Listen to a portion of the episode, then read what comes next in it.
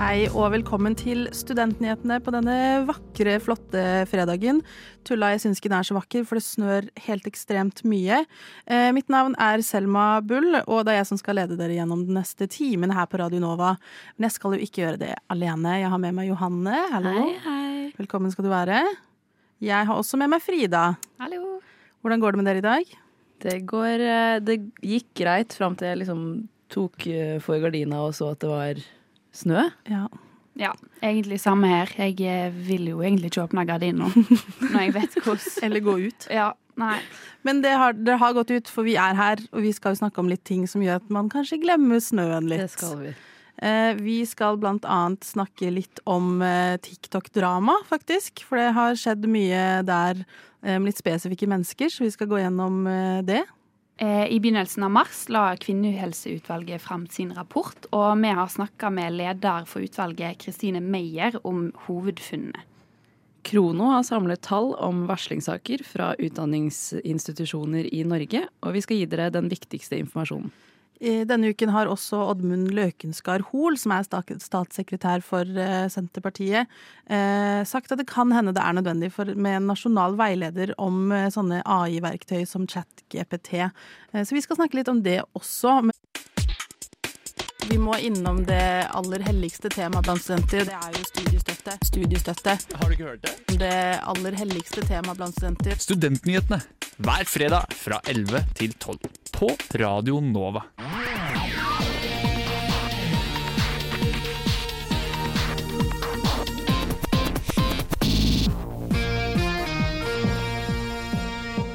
Forskning.no kan melde om nye eksperimenter på studenters konsentrasjon.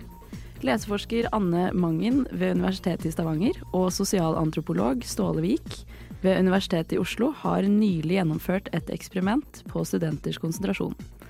Eksperimentet gikk ut på eh, at en gruppe studenter i to omganger skulle sitte stille og lese i et rom i fem timer. Først med mobil og PC, og deretter uten. Studentene ble utstyrt med pulsmålere og bevegelsessensorer, og resultatene vil komme i løpet av de neste månedene. Flere unge vil bli politi. Da melder Politihøgskolen i ei pressemelding. Over 3700 personer har søkt i opptaket til utdanninga ved søknadsfristen, noe som er en økning på nesten 12% Rektor Nina Skarpenes sier i pressemeldinga at da, er, da at flere nå ser utdanninga og yrket som et godt valg, er et stort pluss for høgskolen, politietaten og samfunnet. Skarpenes trekker fram at en av årsakene til at søkerinteressen ved politiutdanninga er høyere i år, kan være at Politihøgskolen skårer høyt og godt på studiebarometeret. Økninga i søkere er å se fra alle fylker, og flest kommer naturlig nok fra fylkene med høyest befolkningstall. Viken, Oslo og Vestland, viser grafer i pressemeldinga. Det er òg høy kvinneandel, noe det har vært i flere år, med 56% blant årets søkere. Det er Politihøgskolen i Oslo som er mest populær, som har rett over halvparten av søkerne. Eh, og stadene Stavern og Bodø kommer som nummer to og tre. Kvinner gjør akademisk husarbeid, melder Krono. 70% av professorer i Norge er menn, selv om langt flere kvinner enn menn tar høyere utdanning i Norge. I et debattinnlegg i Krono forteller Lene Pettersen, som er førsteamanuensis ved Høgskolen i Kristiania, at det er flere grunner til dette. Hun nevner bl.a. at kvinners vitenskapelige meritt ofte blir mer kritisk bedømt enn mannlige kollegers. I tillegg gjør flere kvinner mer akademisk husarbeid, mener Pettersen. Kvinner tar en større del av det som på mange måter er ak akademias ulønnede arbeid, sier hun. Dette vil si undervisningen, som ikke gir grunnlag for opprykk. Mens jeg gjorde dette, satt mine mannlige kollegaer på sine kontorer og skrev på sine vitenskapelige publikasjoner, forteller hun til Krono. For å klatre i professorstigen må man bl.a. være utrolig effektiv til å produsere publikasjoner. Hun oppfordrer derfor kvinner til å si nei til akademisk husarbeid. Om 20 år vil lærerdekninga være langt bedre enn da den er i dag, het det i Statistisk sentralbyrås nye rapport Lærermod 2020-2040.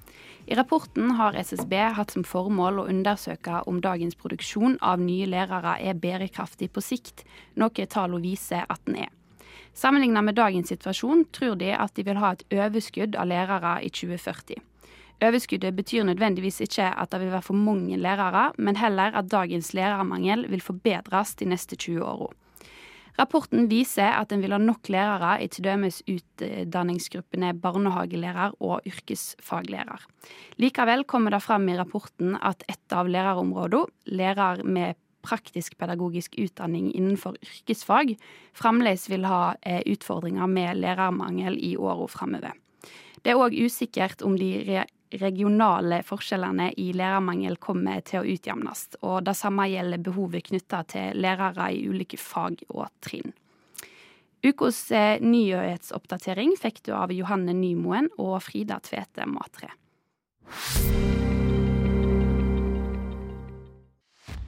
Samordna opptak. Det handler om rettssikkerheten eh, til norske studenter. Akademia Strid. Oslo OsloMet. Universitetet i Oslo. Studerer Studentnyhetene. Hver fredag fra 11 til 12. Du hører fremdeles på Studentnyhetene her på Radio Nova, og vi skal snakke litt om eh, noe vi ikke snakker så ofte om, nemlig sosiale medier og TikTok. Eh, for det har gått en eh, såkalt kule varmt i TikTok-Norge den siste tiden. Vi skal gå litt gjennom situasjonen, men det er veldig viktig at vi påpeker nå med en gang at nå skal vi gå gjennom våre personlige meninger. Men vi skal også gi deg litt fakta da, om hva situasjonen dreier seg om. Kan ikke du fortelle oss litt hva det handler om, Johanne? Det skal jeg gjøre. Um, I en episode av podkasten Kontoret sier tidligere Ex on the Beach-profil Christian Brennvold at jenter må dra til Tyrkia for å bli pene. Podkasten drives av tiktoker og TV-profil Oskar Vestlin, som er 24 år, sammen med Snorre Klandrud, som er 28. Både Brennvold og podkasthostene har etter dette mottatt sterke reaksjoner. Så nå tenkte vi å spille av hva han har sagt. Dette har vi altså hentet fra eh, TikTok-profilen til eh, kontoret. Jeg skjønte at ingen gutter er stygge. Det eneste du må gjøre, begynn å trene. Da har du gjort alt. Altså, Jeg kødder ikke. Vær trent, spis sunt, ta deg crossfit. Jenter er stygge. Gutter er ikke stygge. Det er ikke, det er ikke kødd, liksom. Hva, hva, må jenter gjøre for å bli pene, da, hvis de er stygge? De må bare dra til Tyrkia. Så er det greit. Det vet jeg alt om. Jeg, altså. Um, ja, og det har jo kommet eh, litt reaksjoner etter det, blant annet fra matinfluenser og tiktoker Halvor Thorsnes, som kalles, eh, eller går under navnet Kitchen Jam.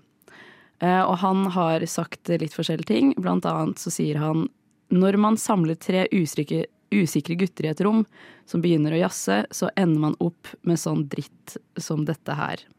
Han sier også at jeg er ikke noe fan av måten de opptrer på, spesielt rusinnholdet og måten de snakker om kvinner på. De har jo et ansvar for det, fordi de har en plattform, og jeg syns at eh, det er ganske mye krise som blir postet, sier han. Eh, ja. Hva, hva, tenker du Altså, jeg lever jo livet mitt på TikTok, jeg også. Eh, så jeg har jo fått med meg det her, og man blir jo Jeg blir irritert, men også litt sånn Hvem hører på dette? Ja. Hvor mange følgere har kontoret sin eh, TikTok? Vet du det? De har, altså jeg gikk inn på Jeg har jo aldri hørt uh, på kontoret. Så jeg, måten jeg fikk med meg det her på, var at God kveld Norge hadde laget en sak på det, og så gikk jeg inn og sjekka. Og da så jeg jo på hele profilen til kontoret òg, og da Ja, det var jo mye, mye sånn. Og det er jo mye views, da. Mm. Så om folk tar det seriøst, det er jo ikke nødvendigvis sikkert, men det er i hvert fall mange som får det med seg. Ja. Hva tenker du, Frida? Nei, jeg må helt ærlig si at jeg hører på alle episodene. Eh, men så er det sånn Jeg tror kanskje når du går inn og hører på det, så er det litt sånne ting du forventer. Og da, da glir det litt forbi. Så sånn da som ble sagt der, for eksempel, fikk ikke jeg, eller tenkte jeg ikke over før det ble tatt opp i media. Nei, fordi så. de har jo klippet ut dette sitatet her på en måte eh, selv, og de har jo gjort det 100 fordi at de skjønner at folk kommer til å reagere på det. Og det gjør at de får mer views. De får jo kjempemasse PR, og det virker jo litt sånn de kjører på all PR er god PR-livet her, eller liksom den taktikken. Fordi at de, de får jo masse oppmerksomhet fordi at folk syns at det er provoserende. Eh, men har det, det har jo vært flere på TikTok som har, det har eh, Jeg la merke til det. Jeg er jo dessverre mye på TikTok og ser på TikTok-videoer. Så det var jo eh, en god del eh, forskjellige kvinnelige influensere, som er store og mindre store, som reagerte på det her. Mye fordi at de får et inntrykk av at gutter kan si generelt, da. At gutter kan si ganske mye drøyt og ting som kanskje ikke er så hyggelig å høre, uten å få noen spesielt reaksjoner, mens jenter blir hardere slått ned på. Mm. Det var vel en uh, som dro inn Sofie Elise Eller misforstår jeg da? Tenker du på Synnøve? Ja. Eh, Vi kan jo høre på det hun har å si. Jeg syns hun forklarte den frustrasjonen som ganske mange fikk etter å ha hørt eh, det klippet. ja. Eh, vi har også hentet dette lydklippet her fra TikTok. Det har vi også. Altså det jeg har sagt. Mm. I kommentarfeltet under så dukker argumentene opp om at kontoret ikke skal måtte ha, ta noe ansvar for hva gjestene sier. Så hvorfor i alle dager hadde vi akkurat da en helt kontroversiell, megastor greie rundt at Sophie Elise publiserte et bilde av en annen person som holdt rus i hånda? Forklar meg. Jeg er så lei av de dobbeltstandardene som eksisterer på sosiale medier, og som vi har sett veldig mye av de siste månedene, hvor jenter blir heksejakta for den samme bullshitten gutter gjør hele tiden. Jeg bare er så utrolig lei av å se liksom genuint Vi klikker helt når liksom Øyunn Krogh sier hun er pen, eller når Martha Leivestad deltar på en roast. Men det her er greit. Det skal kontoret få lov til. De skal ikke stå i ansvar. Gutter er gutter, liksom. De bare, de bare gir mennesker med grusomme meninger en plattform. Og sier ingenting imot og gir ingen motstand. Det må da være helt lov. Det er jo, det er jo bra, bra sagt. Ja, jeg syns det. Jeg, jeg syns ah, Jeg syns mye. Jeg har alltid meninger om alt. Eh, men, men jeg er veldig enig i det han eh, Kitchen Jam, eh, eller hva heter han? Eh, Jam. Hal- Halvor Thorsnes. Ja. Hva han sier. Eh, fordi det som det som irriterer meg mest, er at jeg føler at eh, Oskar Vestelin, som har på en måte blitt kjent gjennom TikTok, og nå er på eh, har blitt en TV-profil også Jeg føler han spiller veldig på en karakter. Jeg tror ikke han egentlig eh, nødvendigvis mener de tingene som hans Altså, det er jo gjestene hans som sier det, for det første. Det må jo også nevnes. At det er jo ikke eh, de som driver podkasten som sitter og kommer med disse ytringene her. Eh, jeg føler at de spiller veldig på- en karakter. De skjønner dette med at folk blir provosert, og det gjør at de eh, får lyttere, og det gjør at folk ser på TikTokene deres, som gjør at de tjener helt sinnssykt store mengder med penger, som også er utrolig provoserende. Eh, og det er jo, jeg syns på en måte problemet ligger litt her, at vi eh, kan tillate gutter å lage en sånn karakter som gjør at man får en ukultur eh, som snakker nedsettende om kvinner på denne måten her. Eh, og så syns jeg jo også det er veldig, veldig merkelig sagt. At ingen gutter er stygge. Jenter er stygge, men de kan dra til Tyrkia. Altså, jeg blir sånn, hva, Ja. hva mener du med det her, egentlig? Og så er det jo Det er jo mange som kanskje ikke tar Christian seriøst, men de har jo Eller det har jo kommet litt kritikk i forhold til at eh, som host av en podkast så burde du jo kanskje kritisere eh, den du snakker med hvis den kommer med veldig spesielle utsagn, da. Ja. Eh, for å lage en samtale ut av det. I hvert fall hvis man har veldig unge lyttere som kan ta det man sier seriøst, så burde man jo kanskje ja, lage en samtale ut av det, istedenfor å bare nikke og smile og le av det som blir sagt. ja. Det virker som det er en liten gråsone her. Det gjør det. Um, fordi de har jo på en måte ansvar for det innholdet de publiserer. uh, men det er jo Altså hvis jeg intervjuer noen her i Studentnyhetene, uh, så har jo jeg en annen uh, på en måte tilnærming enn det eh, kontoret podkasten har. Fordi de skal bare ha en samtale, på en måte. Jeg har jo gjerne invitert en gjest som har en mening om et spesifikt tema, og da er det jo min oppgave som journalist eh, å stille spørsmål som får frem begge sider av saken. Men det her er jo Christian eh, sine personlige meninger, da, så det blir, jeg kan se at det blir vanskelig liksom skulle være kritisk. Eh, så skjønner jeg også at de vet at det her kommer vi til å kunne tjene på, så de har ikke nødvendigvis lyst til å stille kritiske spørsmål. Nei. Og så er det jo det du sa, da, at de, de da har valgt å klippe ut det her og publisert det på TikTok spesifikt. Ja. Jeg tror jo- det er litt da det handler om at de vet at eh, på en måte hvis du melker da, så får de visninger og um, lyttertall, på en måte. Ja. Eh, og så er det jo litt sånn Sånn som du snakker om, at det er ikke sikkert alle Eller iallfall jeg føler jeg har en slags sånn distanse til at sånn, sånne ting som det der, når de sier sånn, så tar jeg det med i klype salt, liksom. Ja, ja. Men det er ikke sikkert at målgruppa deres gjør, nødvendigvis. Nei, men hvem er målgruppen? ja, det er jo jeg tror de later som at det er eh, på en måte eh, folk som er på samme alder som de. ja. Nei, det er det ikke. Så vidt jeg har forstått i Jeg tror det er flest gutter i liksom ja. 15 og så oppover. Det er ganske men da har jeg ikke tall publikum. på det. Men Jo, jo, altså publikummet er ungt, Ja. men har kontoret satt seg ned og på en måte sagt vår, vår målgruppe er eh, gutter 15 til 18. Å, nei, I så fall er jo det helt ikke. sykt. Eh, jeg tror at de Ja, er sier at sykt, det er ja. ikke vår feil at unge eh, mennesker hører på det her. Det kan ikke vi forholde oss til. Eh, og det, det syns jeg er dumt, fordi jo, det må du faktisk forholde, oss, deg Ja, dere man til. former jo folk sine meninger og Nettopp. holdninger, liksom. Og det har jeg også sett mye av på TikTok, når det er spesielt når Andrew Tate eh, vandrer rundt. Og det var en norsk fyr også som jeg ikke helt husker hva heter, men som veldig tydelig prøvde å være liksom, Norges svar på Andrew Tate. Eh, og det som liksom, kommentarfeltet da er enten folk som er sånn Du er jo bare dum. Du kan ikke si sånne ting som det her. Eller så har du unge gutter som kommenterer sånn Common double, common win, Ja. bla, bla, bla. Og det var jo også kommentarer Atle Antonsen fikk eh, Ja. når, eh, når han hadde sagt ikke så veldig hyggelige ting eh, til Sumaya. Og det, det er jo det som er skummelt. Mm. At det på en måte skaper denne ukulturen, som jeg har sagt, eh, hos unge mennesker som tror at dette her er på en måte greit. Men så eh, har du kvinnelige influensere som gjør også dumme ting, men ikke på samme måte. Nei. Da skal det liksom ha reaksjoner med en gang, og de må ut av NRK, og de må liksom ditt og de må datt. Mm. Men det her er bare sånn De er dårlige forbilder, liksom.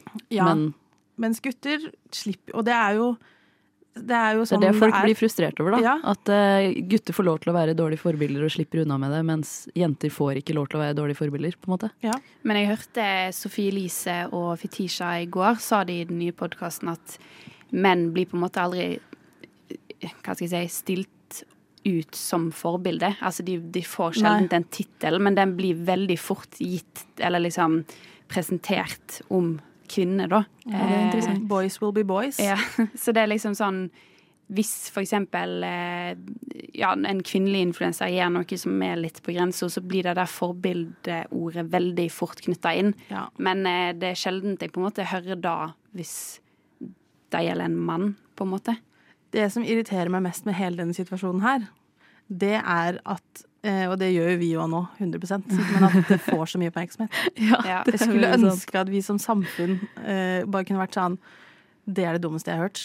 Ha det bra. Men jeg skjønner jo at man må gjøre det, da. Fordi det er jo bare sånn man kan vise de unge lytterne deres at det her er Ja, det er jo for dem man greit. gjør det, på en måte. Det er jo det. Jeg skulle bare ønske at vi kunne vært sånn «Åh, Jeg vil ikke at dere skal tjene på dette her. Ja.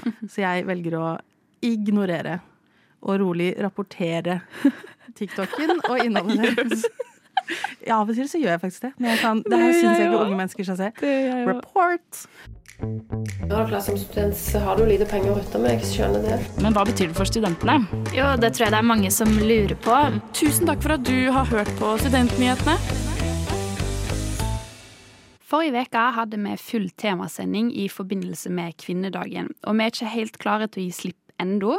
Vi har nemlig snakka med lederen for Kvinnehelseutvalget, Kristine B. Meyer. Hun er professor i strategi og ledelse ved Norges handelshøyskole, og forteller oss litt om hva utredningen forteller. Tirsdag 2. mars leverte Kvinnehelseutvalget, ledet av Kristina B. Meyer, sin utredning Den store forskjellen. Det var helse- og omsorgsminister Ingvild Kjerkol som mottok utredningen, eh, som består av ca. 300 sider med detaljert oversikt over kvinners helse i Norge og skjønnsforskjellene innenfor helse. For at dere skal slippe å lese hele utredningen, har vi snakket med utvalgsleder Kristine for å høre litt om hva det dreier seg om. Hvor viktig tenker du det er at et sånt eh, utvalg ble satt sammen, eller at dere fikk dette mandatet? Ja, Nå var det jo 24 år siden eh, det var forrige gang det var et kvinnehelseutvalg. Eh, og eh, det vi så da, var at det utvalget sa jo mange av de samme tingene som vi har sagt, og få mer forskning. Men etter noen år så fikk ikke de noe spesielt gjennomslag. Så har det vært også en del ny kunnskap, kanskje særlig på hvordan de ulike kjønnene reagerer ulikt på ulike tilstander sykdomstilstander. Ja, for man, det er jo noe man hører ofte, eller i hvert fall som har vært litt i media de siste årene, kan man nesten si, at uh, i forskning innenfor uh, medisin ofte er basert på menn. Er det en påstand som stemmer? Ja, det er en påstand som fortsatt uh, holder. Og eh, mange dyreforsøk, også på eh, hannmus og ikke på hunnmus. For hunnmus er akkurat som vi mennesker, akkurat som vi kvinner, mer eh, hormonelle. Så det blir lettere å isolere effekten og rendyrke de når man forsker på hannmus. Og det er jo klart at der får du heller ikke i dyreforsøk eh, får du kunnskapen om hvordan dette virker eh, forskjellig. I rapporten har utvalget gitt en slags diagnose for situasjonen, eh, og den kan vi dele opp i fire kategorier, sier Meyer. Den første av disse kategoriene er at kvinnehelse har lav status. Typiske kvinnelidelser de kommer lavest på statusrangstigen, som f.eks. fibromyalgi og eh, psykiske lidelser. Meyer forteller også at den andre kategorien er eh, manglende samordning innenfor sektoren. Både på toppen, dvs. Si at det har ikke vært noe prioritert i departementene eller direktoratene som har sett på kvinnehelse spesifikt. Og det har heller ikke vært noe koordinering av tjenestene eh, for eh, brukerne og pasientene som har ganske komplekse og sammensatte lidelser. Da trenger vi team av ulike profesjoner som møtes. De to siste kategoriene dreier seg både om en sviktende kunnskapsbro, altså at kunnskapen ikke når frem, og at kvinners stemme får for lite gjennomslag. Vi har visst dette, at kvinnesykdommer arter seg annerledes enn menn i veldig mange år. Og Allikevel når ikke dette frem i utdanningene, i informasjon til befolkningen, eh, og også i helsetjenesten, som da kan diagnostisere en hjertesykdom hos en kvinne. Selv om det er mange kvinnestemmer og mange som er villige, heldigvis, til å dele sine historier, så når det ikke frem og får betydning for hvordan vi innretter tjenestene. Og eh, det å løfte disse kvinnestemmene frem og faktisk la de få innflytelse, det er også helt nødvendig for å få prioritert dette feltet. Og Hvilke tiltak er det dere mener eh, at Norge bør gjøre for å bedre disse, altså situasjonen?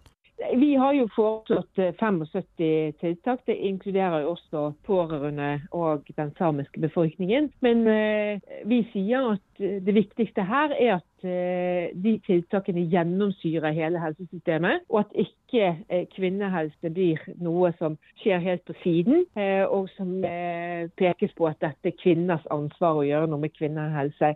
Dette er vårt felles ansvar. Og det må skje i helsetjenestene, i universitetene, og det må ikke bare være sånne ekstra tiltak som kommer eh, utenpå eh, det ordinære systemet. Den siste tiden har helsevesenet, da spesielt sykepleiere og jordmødrenes arbeidssituasjon, vært mye omtalt. Samtidig som Norske Samers Riksforbund og Natur og Ungdom stengte inngangen til Olje- og energidepartementet, stilte flere helsearbeidere og andre aktivister seg foran Stortinget for å demonstrere. Kan dette gjøre det vanskeligere å gjennomføre de tiltakene utvalget foreslår? Ja, Vi har jo også påpekt eh, at eh, deler av fødselsomsorgen at det er eh, en del problemer med den, bl.a. at kvinner skrives altfor tidlig ut fra sykehusene. Og Det er veldig bekymringsfullt, eh, også fordi at eh, barseltiden har gått betydelig ned de siste 10-15 årene. Og Så sier vi også at vi må se på finansieringen. Fødsel er akuttmedisin. Du kan ikke planlegge når kvinner kommer inn og føder. Eh, men vi ser at når det er nedgang i fødselstallene, så straffes eh, fødeklinikkene ved at man trekker budsjettene ned. Og eh, helt til slutt, hvis du skulle laget en slags prioriteringsliste over disse tiltakene dere foreslår, hva er det, liksom det viktigste å sette i gang med med en gang? Altså, det er mange av disse tiltakene som bare kan settes i gang som ikke trenger en eh, ny utredning. Veldig mye av det som går på å skille kjønnene, eh, det er bare å gjøre. Og eh, samme med eh, det som har vært mye snakk om endometriose, som rammer mange kvinner. Det har vært en utredning, vi vet hva vi skal gjøre, vi vet hva vi skal til. Det er bare å sette i gang. Tusen takk til Kristine Meyer. Reporter i saken var Selma Bull. Studentpolitikk det har ikke vært en hovedprioritet. Så jeg er veldig glad for at dere er opptatt av det her. Tusen takk for at du har hørt på Studentnyhetene. Du hører altså fremdeles på Studentnyhetene, og nå skal vi snakke litt om eh, varslingssaker i eh, akademia. Eh, Krono har samlet inn tall, og der var det over 50 varslingssaker om seksuell trakassering ved statlige universiteter og høyskoler. Og det dreier seg om både ansatte og studenter. Og jeg tenker at eh, vi kan gå De har laget en liste, da. Hvor de har listet alle universitetene. Eh, hvilket universitet tror dere er på topp? Jeg har dessverre Ja, har sett. jeg har sett det.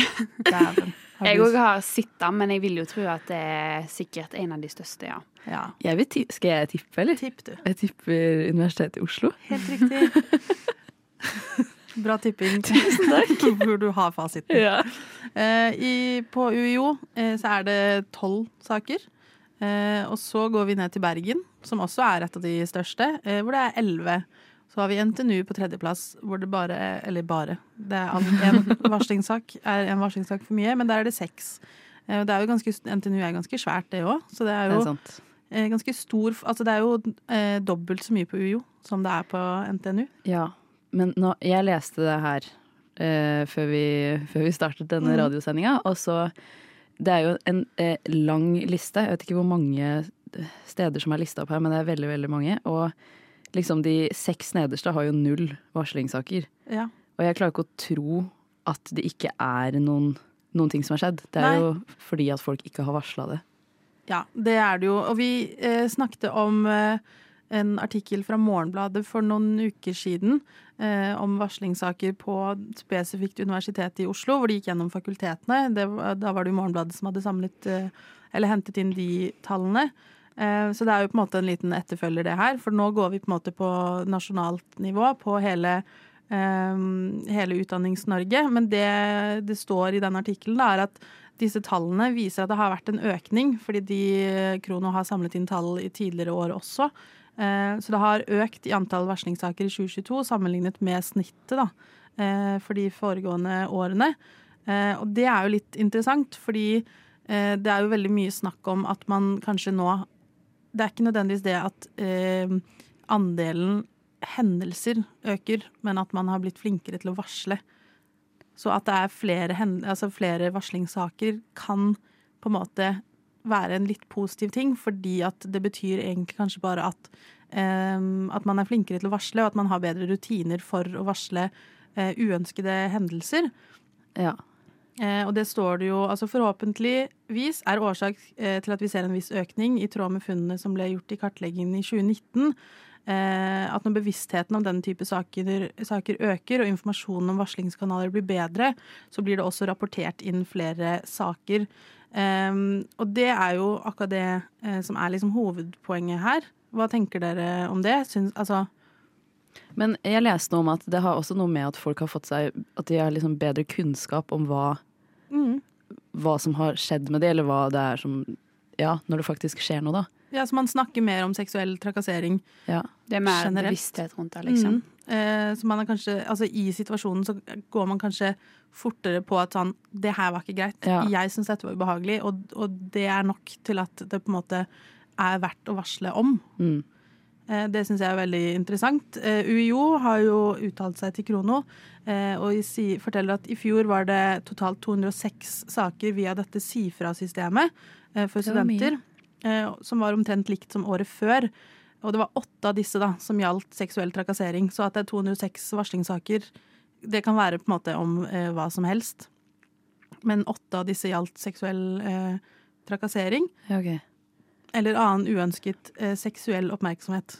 Men man har jo funnet ut av Eller det har jo kommet veldig mye eh, sånne ting i det siste, som at én av fem kvinner har blitt voldtatt og Mm. Eh, sånne type ting. Det er jo ikke bra, da. Nei, absolutt ikke. Eh, Men det som er bra, er at man snakker om det. Det er veldig bra. Eh, Og at, eh, at man har gode rutiner for varsling, er jo på en måte en av de viktigste tingene. For det, det i lengden kan jo kanskje føre til at man eh, ikke tør å tråkke over grensen, fordi at man vet at sannsynligheten for at det blir varslet om, er så stor. at man liksom har bevissthet på begge sider, ikke bare for den som blir trakassert, Helt enig. men også den som trakasserer. Men har man gode rutiner når det er flere steder det står null? Jeg klarer ikke å jeg, klarer, jeg, det, jeg føler Nei, ikke det altså, nå snakket sant. jeg spesifikt om UiO, da, oh, ja, som tydeligvis ja. har et system som Ja. virker å fungere bedre enn eh, f.eks. Høgskolen i Molde, som ikke har svart eh, Krono engang. Oh. Em, så der er det jo Der har man jo en jobb å gjøre, tenker Mm. jeg. Um, ja. ja, for alle andre har svart bortsett fra den. Ja, de er de eneste de har sagt mangler svar fra. Ja. Eh, så jeg tipper at de som det er null, har svart, men at de på en måte Det er jo spekulasjon. Jeg vet jo ikke hvordan varslingsrutinene Nei. på disse institusjonene fungerer. Vi bare analyserer tall nå. Men det er usannsynlig at eh, på NMBU for eksempel, at det er null varslings... Eller null hendelser. Det er flere jeg tenker det er, Det er vel- usannsynlig at det er null på, ja. Ja, det er vel en stor skole da òg. Ganske stor skole. Ja. Men eh, UiO har satsa på et sånt varslingssystem, da, eller? For jeg Nå vet ikke jeg, det kan godt hende jeg ikke har nok kunnskap om det, men jeg vet ikke at min skole har noe sånn varslingssystem eller noe sånt. Det er sikkert en eller annen måte du kan si ifra på, men Ja. eh, Det var jo det vi snakka om eh, sist, og når vi snakka om Hva var det vi Det var, det, Det var da var det seksuell trakassering, altså på UiO. Ja, fordi at da spurte du jo om jeg hadde For jeg går jo på UiO. Om jeg fikk liksom vite om noe varslingssystem når jeg begynte. Og det kan jeg jo ikke huske å ha Nei. fått. Kan jo hende det har flydd forbi, men Det jeg kan godt husker hende. jo ikke Har ikke sittet seg, iallfall. Nei.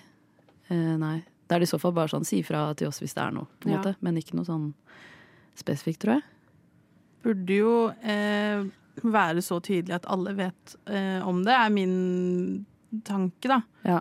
Eh, at man burde ikke trenge å på en måte lete. Nei. Eh, men det jeg syns er også interessant, eh, er at det har, vært, det har jo vært mye snakk om Politihøgskolen eh, og forskjellige hendelser der, men jeg kan ikke se Tenker du på um, Hva de kalte det? Eh, Ja, for litt siden så kom de i hvert fall med liksom noen nye vedtekter. Eh, hvor det, den ene var for eksempel at det, var, det er ikke lov å bli med opp på rommet. Ja. Liksom student og lærer. Ja. Eh, det er ikke lov å eh, drikke alkohol på arrangementer hvor det er både studenter og lærere. Mm. Eh, som i min verden ikke burde trenge å på en måte være en vedtekt. Nei. Eh, I hvert fall ikke at den kommer i 2023. Ja. Men bra at den nå fins. Men der har vi ikke noe tall, så vidt jeg kan se. Nei. Eh, Om det er fordi de kanskje ikke er en statlig Jeg vil jo tro at det er en statlig utdanningsinstitutt. Men jeg tenkte også på Ja, fordi eh, når jeg leste, eller drev og lette på lista her etter steder, så lette jeg eh, etter BI. Men så tenkte jeg at de er ikke De er privat. Ja. så det var Så der, de er ikke med i denne. Har dere Senterpartiet glemt studentene når dere skrev deres valgprogram for Oslo? Altså, mulig, men Studentnyhetene. Vi er nyhetsprogrammet av og med studenter. Hver fredag fra 11 til 12 på Radio Nova. Velkommen til radioprogrammet vårt. I dag skal vi dykke ned i verden av kunstig intelligens og utforske en av de mest imponerende teknologiene i denne verden, ChatGPT. ChatGPT er en stor språkmodell som er utviklet av OpenAI, og den er basert på den kraftige GPT 3,5-arkitekturen. Denne imponerende teknologien har revolusjonert måten vi tenker på kunstig intelligens, og hvordan vi samhandler med datamaskiner og maskinlæringssystemer. Vi skal se nærmere på hva ChatGPT er, hvordan den fungerer og hvordan den brukes i dagens verden. Bli med oss på denne spennende reisen og oppdag hva som gjør ChatGPT så unik og verdifull for samfunnet vårt. Hva syns dere om den lille introen jeg ikke Den har introen du har skrevet, syns jeg var kjempebra. Vi har brukt ChatGPT, for vi skal jo Ja. snakke om ChatGPT. Eh, Jeg syns det var veldig gøy at denne var så utrolig glad i seg selv. Ja. Det er så imponerende og verdifullt for samfunnet vårt. Men hva er det du skrev til den? Så den Jeg skrev 'lag en intro til et radiostikk om ChatGPT'. Å, så skrev den alltid om seg selv! Alltid det.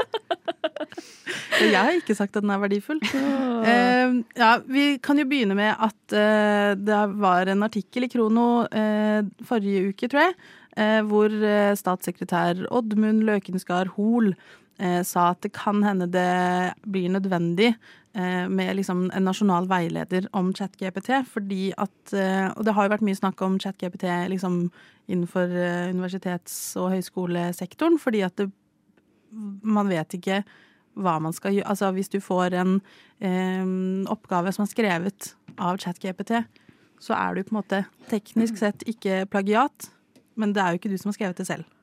Og nå vet jeg at eh, i hvert fall i jeg tror i Norge òg, når du leverer inn, og den, liksom det, den hva skal jeg si, maskinen som sjekker om du har eh, kopiert noe av teksten, kan nå også sjekke om det er noe som er skrevet av kunstig intelligens, som ChatGPT. Så man må være litt forsiktig, for det er jo juks.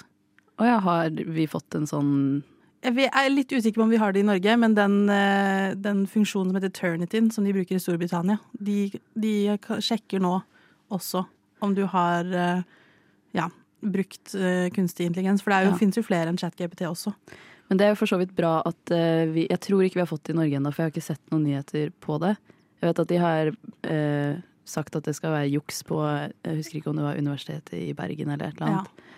Men eh, det er jo bra at de fikser noe som kan sjekke om det er juks, for det var en del lærere som freaka ut, i hvert fall på UiO, Ja. når de fikk vite om den chat-GPT. Og så vurderte de om skal vi bare slutte med sånn hjemmeeksamen, for eksempel. Og begynne med muntlig, da. Nei, Og det hadde jo veldig mange ellers hat. takk. Jeg hadde hata det, i hvert fall. Jeg elsker hjemmeeksamen. Ja. Eh, men jeg må jo innrømme at jeg har brukt litt. Jeg har brukt det masse. Eh, jeg har skrevet noen oppgaver nå dette semesteret, og da har jeg ikke vært sånn Skriv den oppgaven for meg. Eh, men jeg har På den ene så sto jeg skikkelig fast. Eh, jeg syntes det var en vanskelig oppgave. Så da bare skrev jeg oppgavetittelen inn i ChatGPT, og så skrev den en tekst, og så var jeg sånn eh, Fordi det jeg har også reagert på, er at folk er sånn Det er dritbra, han skriver helt sykt bra oppgaver. Så er jeg sånn det syns jeg ikke den gjør, men den hjalp meg litt på vei. Å liksom på en måte finne Hva skal jeg, hva skal jeg si? Veileder deg Ja. litt, liksom. Og så skjønte jeg etter hvert at den er genial til å finne kilder. Fordi eh, de oh. fagene jeg tar, så er det liksom et krav at du må ha så og så mange kilder som er i tillegg til pensumlisten. Eh, og da liksom stilte jeg sånn konkrete spørsmål, og så sa jeg liksom 'give me the exact citation for this'. Og da fikk jeg liksom eh, fagfellevurderte artikler som jeg kunne bruke. Og da gikk jeg jo selv inn og leste de. Eh, og så har jeg også sett at folk bruker det til å oppsummere kapitler i pensumbøkene sine, eller artikler. eh, For å lage liksom stikkord, sånn at du har lest den selv, men du, den der delen med å systematisere notatene dine, den kan den hjelpe deg med. Så det er litt sånn ekstrahjelp, på en måte, da. Ja. Men jeg så Jeg vet ikke helt om det var derfor, men eh, Universitetet i Agder eller noe sånt, biblioteket der, hadde fått mye etterspørsel etter bøker som ikke fins. Og da kan det hende han eller hun, Å, jeg vet ikke hva Ja, de har eh, foreslått noe eh, pensum som på en måte ikke fins i det hele tatt. det er jo veldig gøy.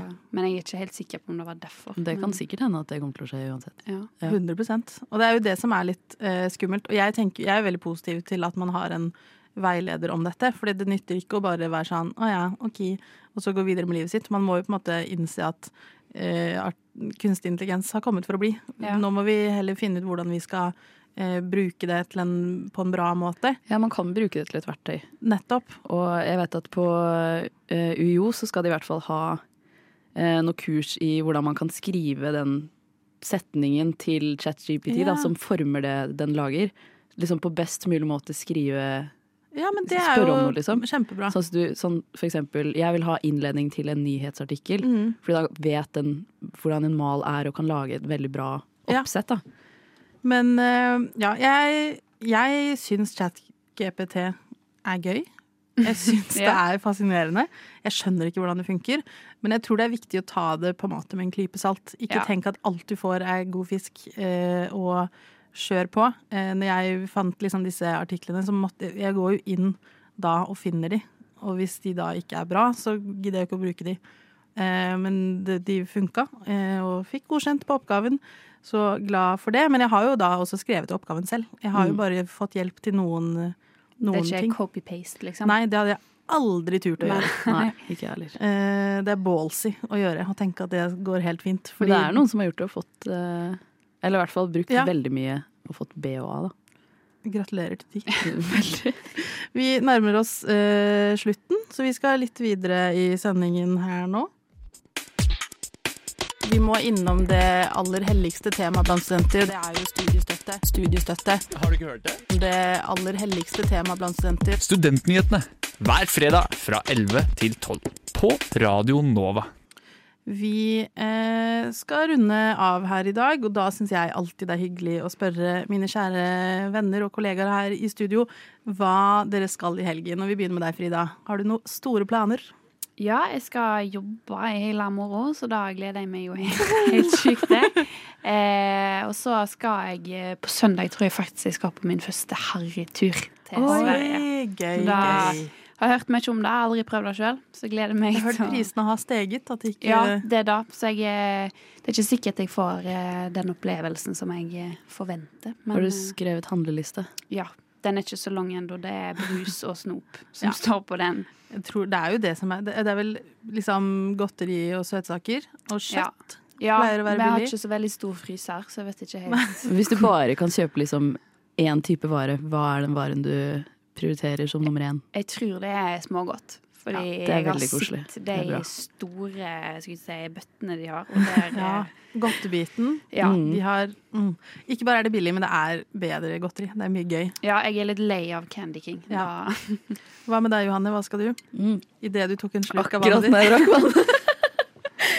eh, nei, eh, som vanlig på fredager så drar jeg jo på trening etter ja.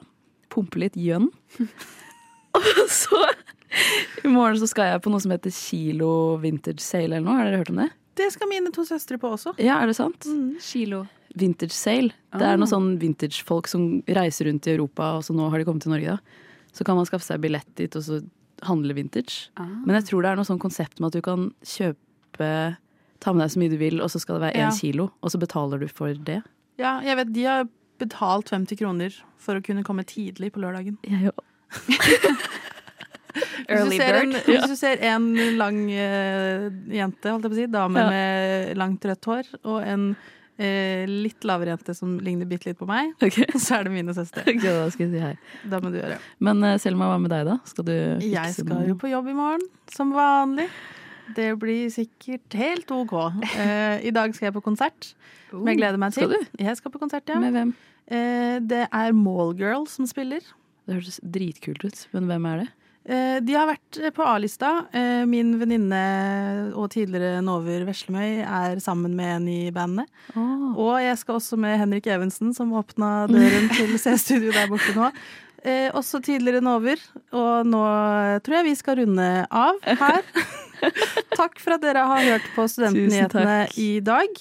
Eh, hvis det er noe dere mener vi bør dekke, så er det bare å sende oss en e-post til studentnyhetene at radionova.no. Eh, god helg. Alle gjerne trenger mer podkast. Du har hørt på Studentnyhetene i dag? Jeg hoppa litt i taket. Jeg var veldig overraska. Jeg hadde ikke forventa å ende opp eh, her, egentlig. Å, hyggelig. Jeg følger bare med å sette høye krav og kjempe for dem, da. eh, Og si at det her er ikke godt nok. Eh, Men tusen takk for at du har hørt på Studentnyhetene i dag. Jeg hadde ikke gjort det. Jeg hadde ikke Gjort det.